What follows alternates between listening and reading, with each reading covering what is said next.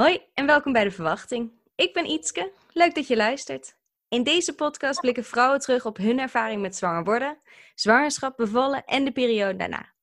In elke aflevering wordt een persoonlijk verhaal verteld. Open, eerlijk en uniek, met alle highs en lows die bij deze levensfase horen. Mijn gast vandaag is Maria. Hi Maria, welkom in de podcast. Hi Ietske, hallo. Wil je beginnen met iets over jezelf te vertellen? Ja, dat is goed. Ik kom uh, net als jij uit, uit Friesland. Niet van Terschelling, maar uit uh, Leeuwarden, 058. Ook mooi. En zeker. Maar de tv-tas-eilanden zijn misschien toch wel het mooiste wat Nederland heeft natuurlijk. Um, ik ben 34. Ik woon nu in Amsterdam. Ik heb theaterwetenschappen gestudeerd en uh, scenario. En ik laat me omscholen na mijn verlof tot juf. En uh, mijn partner heet Iggy en ik heb nu een dochtertje van 10 weken oud en zij heet Tommy. Superleuk. En we gaan natuurlijk praten over de, de zwangerschap en de bevalling van, uh, van Tommy. Um, waar begon dat verhaal? Het be verhaal begon. Um, Iggy en ik waren uh, al een paar jaar collega's. En dan hadden we elkaar een tijdje niet gezien, niet op dezelfde momenten gewerkt. En, dan, en ik was ook aan iets anders begonnen. En dan zie je elkaar acht maanden niet. En dan zie je elkaar ineens. En toen uh, was de vonk een beetje uh, gesprongen. Dan blijkt dat je elkaar dan ineens heel erg hebt gemist. Wat heel raar is, wat je nooit echt door hebt gehad. En ging gewoon heel lang uh, met elkaar kletsen. En een tijdje daarna, dan bleef hij slapen. En toen volgende dag dachten we van oké, okay, laten we weer afspreken, maar dan wel gewoon overdag. En toen hadden we het eigenlijk gewoon gelijk heel erg uh, te pakken. En zagen we en spraken elkaar de hele tijd. En toen ging hij een tijdje naar Thailand, een paar weken op vakantie met zijn beste vriend. En ik was ook even in Frankrijk. En dan spraken we elkaar eigenlijk nog meer. Dus dan waren we meer met elkaar aan het appen of aan de telefoon. Uh, ook één nacht gingen we gewoon zeven uur lang bellen. Ik heb geen idee meer waar we het over hebben gehad de hele tijd. Maar dat doe je als je heel lief bent. En toen haalde ik hem op op Schiphol. En toen hadden we gewoon bedacht van... Oké, okay, nou ja, jij bent op vakantie geweest. Ik ben op vakantie geweest. Dus laten we gewoon samen op vakantie gaan. Ook al hadden we nog maar een maand verkering. Uh, en dat was wel de leukste vakantie eigenlijk uit ons leven. En toen gingen we ook nog naar Lowlands en Into the Great Wide Open en Berlijn. En we waren met een campingbusje langs de Franse kust aan het rijden en dan overal logeren. En ergens in Frankrijk, Berlijn of een van de tv-tas-eilanden of zo, of Lowlands, is, um, ja, is Tommy geboren. En toen hadden we dus drie maanden verkering. Wauw. Dat is ja. een hele, hele spannende, passievolle uh, eerste paar maanden, heb ik het idee van. Absoluut, want we hebben alleen maar hele leuke dingen gedaan. En toen was het ook echt op 5 september. Uh, en ik was nooit over tijd. En ik zat. We waren heel erg uh, voorzichtig ook. Um, en toen dacht ik, hè, nou, ik voelde me gewoon een klein beetje raar. En uh, mijn borsten waren al een beetje zo stevig. En toen gingen we dus samen die test doen. En toen was het waar ik een klein beetje bang voor was. En vooral bang was voor zijn afwijzing, denk ik. En toen gingen we zaten gewoon samen te kijken en het werd echt zo poem, gelijk positief. Ja, moest ik wel heel erg huilen eigenlijk, omdat ik heel erg schrok. En dan bang was dat ik een abortus zou moeten doen of dat onze relatie voorbij zou zijn. Maar toen hebben we ervoor gekozen om uh, gewoon heel veel over te praten. We waren allebei best wel in shock. Toen is mijn tante, wat ook een van mijn beste vriendinnen is, is hier s'avonds langsgekomen. Hij is gewoon met vrienden in het uh, café bier gaan drinken. Aan de volgende dag vrijgevraagd van werk. En zijn we de hele dag iets leuks gaan doen en hebben het er niet over gehad. En de dag daarna uh, wel, maar hadden we ook gewoon een beetje nagedacht om een soort plus-min lijstje te maken. En uh, op een gegeven moment zei hij zo van, nou, volgens mij ga je dit gewoon doen. Dus toen moest ik huilen, omdat ik dan dit keer dan heel gelukkig was. Ja, oh, bijzonder hoor. Ja. Ja. En, en, en hoe... heel fijn. Ja, absoluut. Absoluut. En hoe verliep je zwangerschap? Nou, ik vond het best wel pittig, de zwangerschap. Ik heb in het begin best wel veel bloedverlies gehad. Dat uh, ik ook wel een stuk of vijf keer in het ziekenhuis ben geweest, de hele tijd voor onderzoeken. En dan was ik gewoon heel erg bang dat het misging. Dus dat ik een miskraam had. Maar ja, het ging toch de hele tijd goed met nou ja, de vrucht. Want dat was Tommy toen natuurlijk nog. En het ging eigenlijk ook nog goed met mij, maar ik verloor wel echt heel veel bloed. Dus dat was gewoon heel, heel gek. En ik ben daarna ook wel heel misselijk geweest. Ik ben best wel temperamentvol en tijdens mijn zwangerschap ook. Dus heel veel emotionele schommingen. Veel heftige dromen, wat ook heel veel vrouwen hebben. Ik ging nog meer nadenken over mijn ouders en mijn jeugd en hoe ik dat, nou ja, gewoon dingen waar ik mee zat en wat ik ook gewoon wilde. Want sommige dingen kan je ook overgeven of zo. Die gaan een beetje over van generatie op generatie, slechte eigenschappen. En dat ik echt zo dacht, ja, zijn wel echt gewoon dingen die ik heb meegekregen van mijn ouders die ik haar echt niet mee wil geven. Hoe ga ik dat doen of zo? Daar heb ik wel echt veel over gedroomd.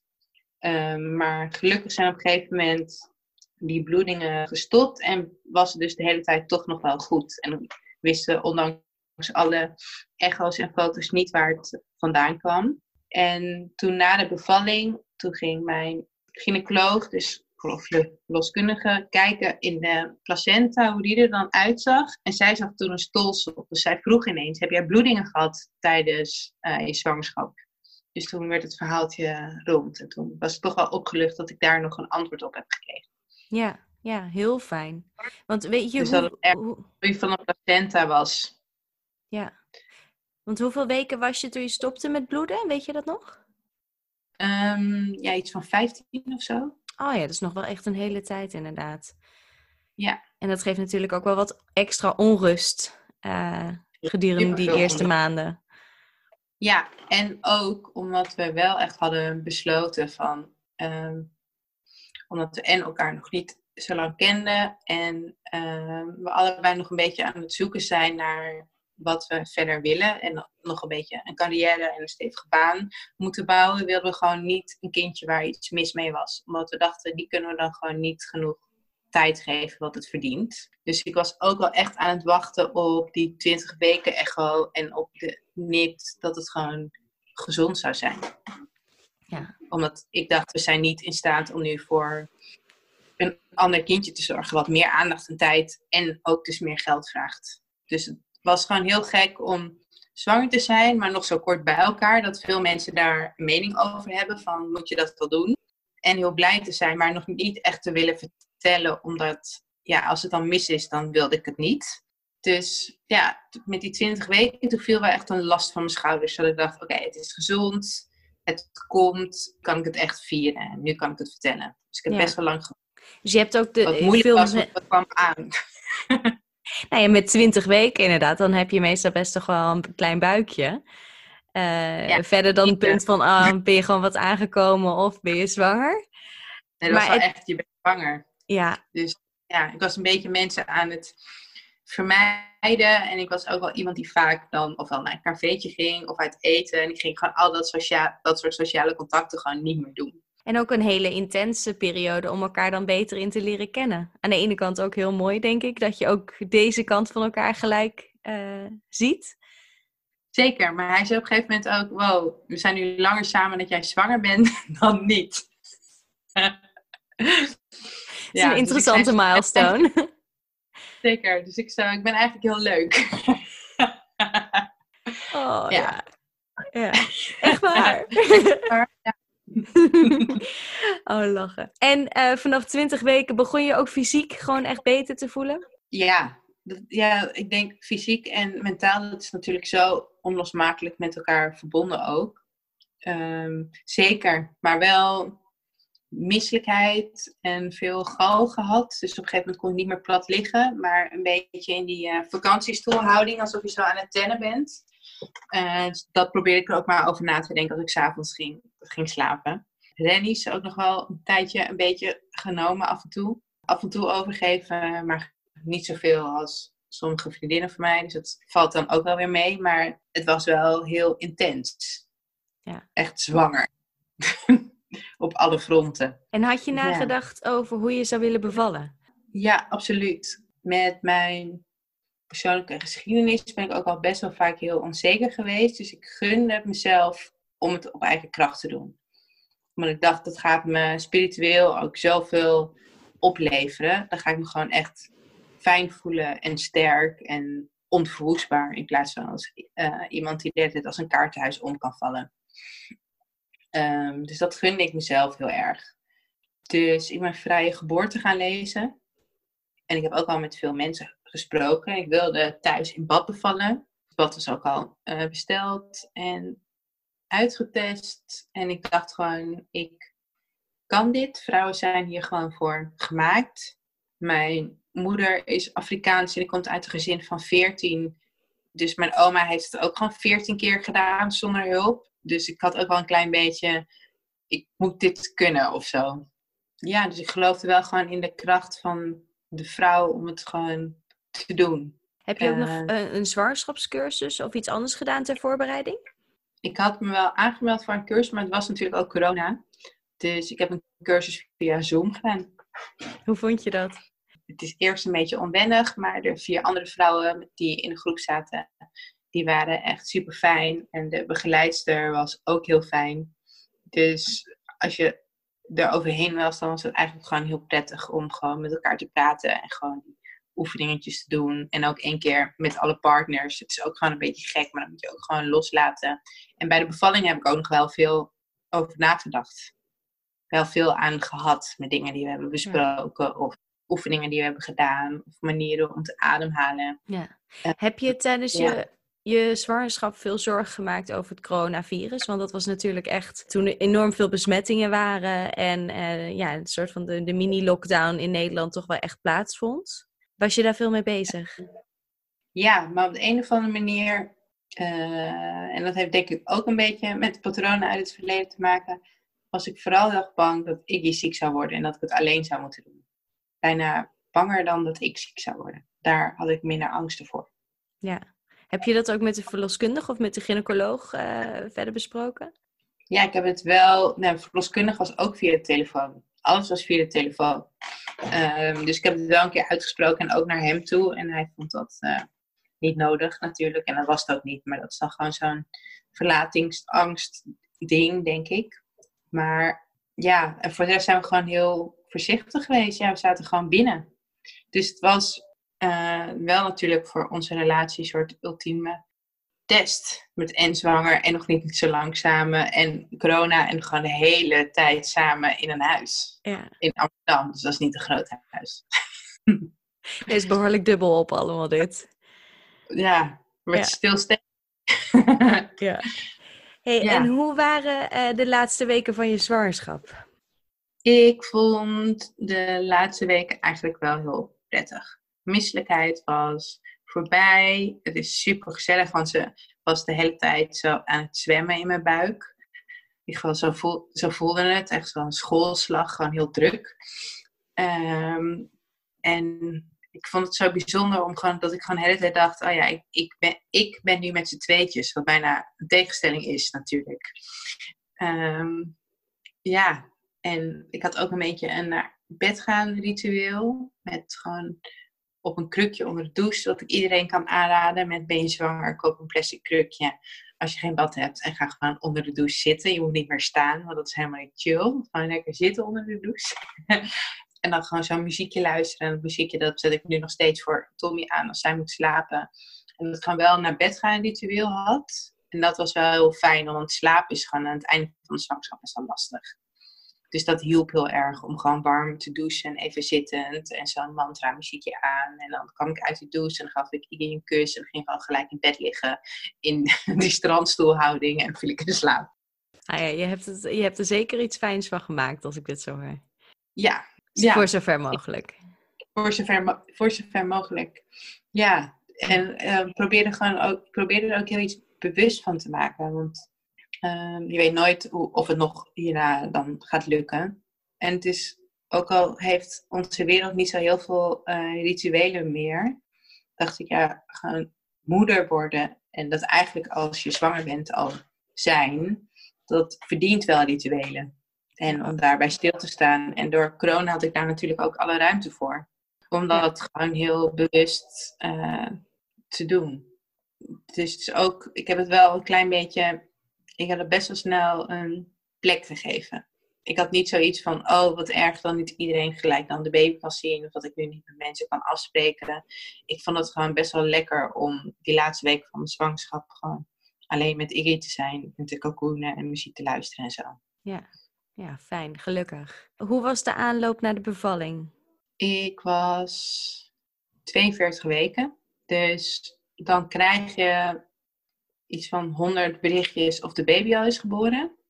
Uh, dus mijn volgende tip is, als je daar, net als ik, uh, het heel lief vindt van iedereen, maar niet zo van houdt, uh, omdat je dan gek wordt. Ik werd daar heel een beetje onzeker van en ik voelde me ineens gehaast. Dat ik op een gegeven moment ook heb gezegd, ik ga niet meer op jullie berichtjes reageren. En dat ik gewoon echt zo 80 appjes had. Um, dan kan je gewoon beter zeggen in welke maand je kind wordt geboren en niet de uitgerekende datum, want het is bijna nooit op de uitgerekende datum.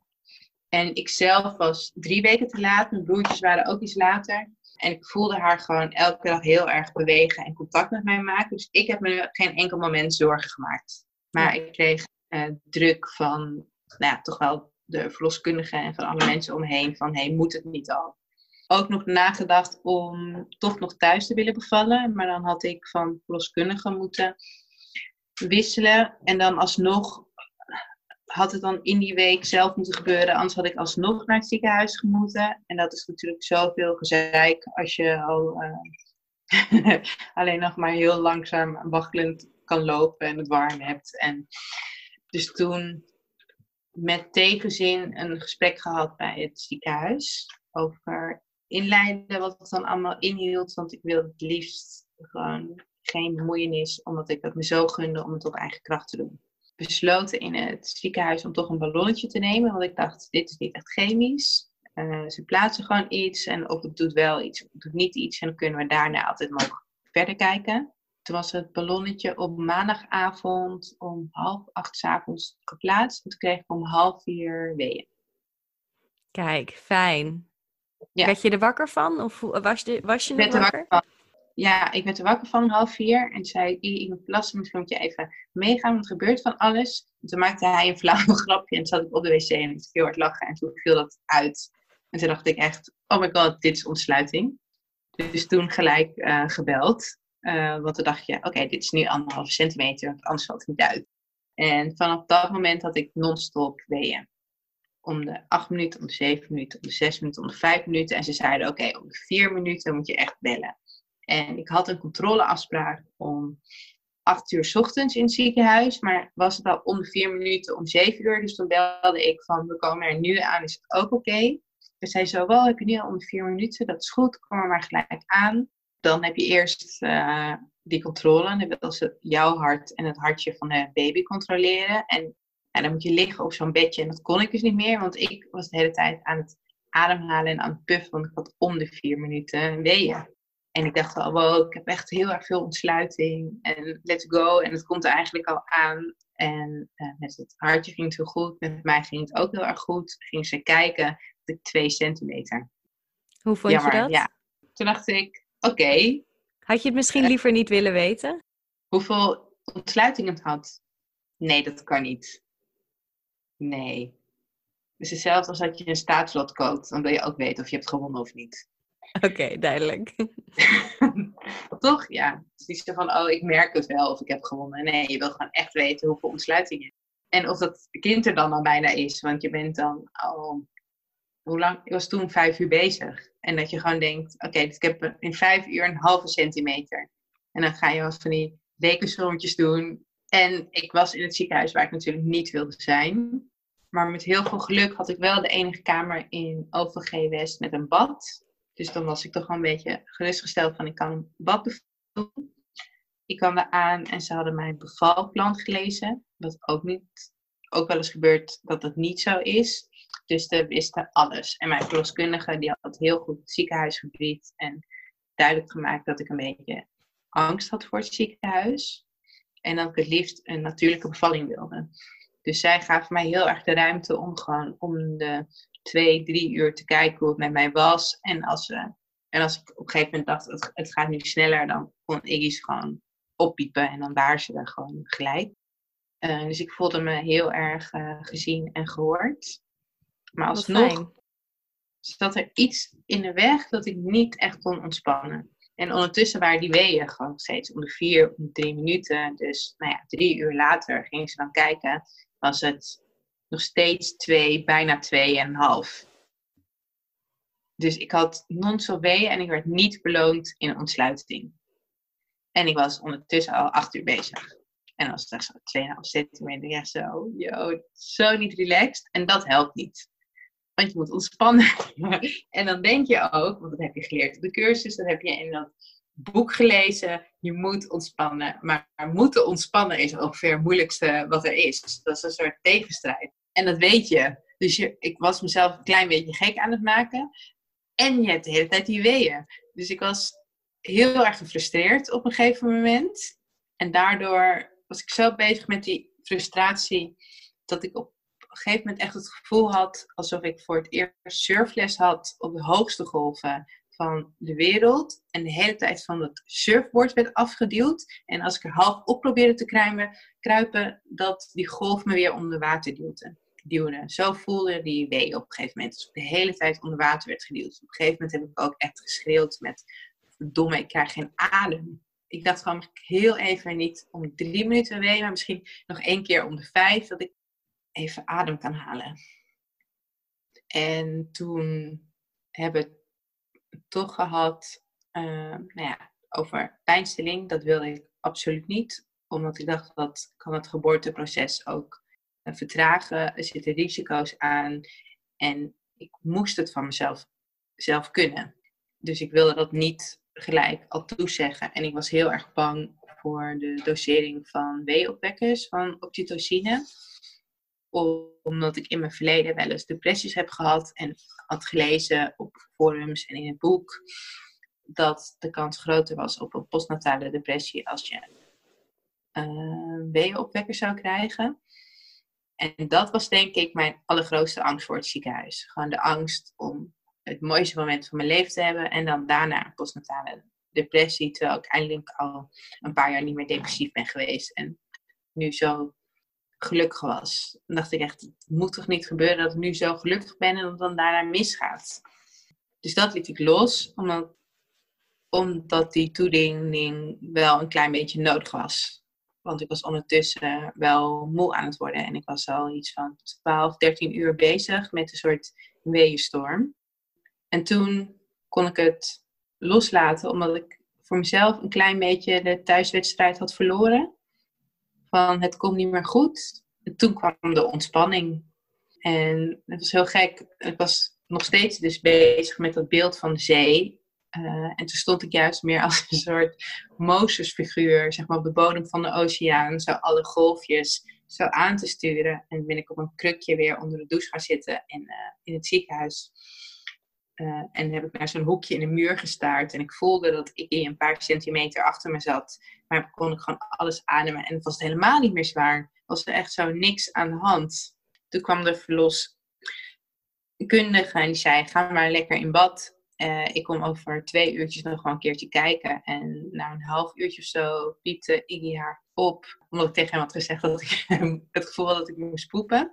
En we bij de cursus hadden geleerd van... Oké, maar dan is je dan is je baby daar. Dat zeg maar die uh, circle of fire, noemen ze dat toch? En ik dacht ook, maar kan dat dan al? Ik ben net ontspannen. En toen kwamen zij zo binnen en toen zagen ze het ook al gewoon een klein beetje aan me. Zei ze echt, nou Maria, wat doe je het goed? Je mag gewoon al persen. En dacht ik hè? Dus ik ben gewoon van uh, een paar centimeter, centimeter ontsluiting na die oxytocine, waar ik heel bang voor was, in anderhalf uur naar 10 centimeter ontsluiting gegaan. En toen mocht het gewoon. Wauw.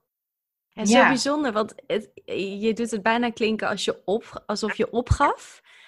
Maar je gaf je eigenlijk juist over aan. Ja, Dit, dit gebeurt nou eenmaal. Dit, ik moet me laten, gewoon de controle eigenlijk laten varen. Ja, je hebt het echt heel goed uh, verwoord. Dat is het precies.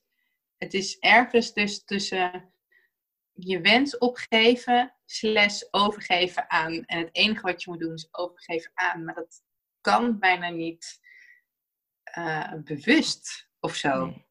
Waren ze in het ziekenhuis bewust van uh, dat, dat die angst voor depressie ook een, een reden was dat je liever niet die oxytocine wilde? Ja, en daarom kwamen ze dus ook om de drie uur langs en hebben ze ook gezegd: je mag, we hoeven het ook niet te doen. Maar ik zou het wel vervelend vinden als ik morgen me weer aanmeld voor mijn dienst en je bent er nog steeds. Ze dachten echt dat mijn bevalling gewoon dus dan echt 30 uur ging duren of zo. Ehm, en ik heb dus eigenlijk ook helemaal niet zo lang aan de oxytocine gezeten.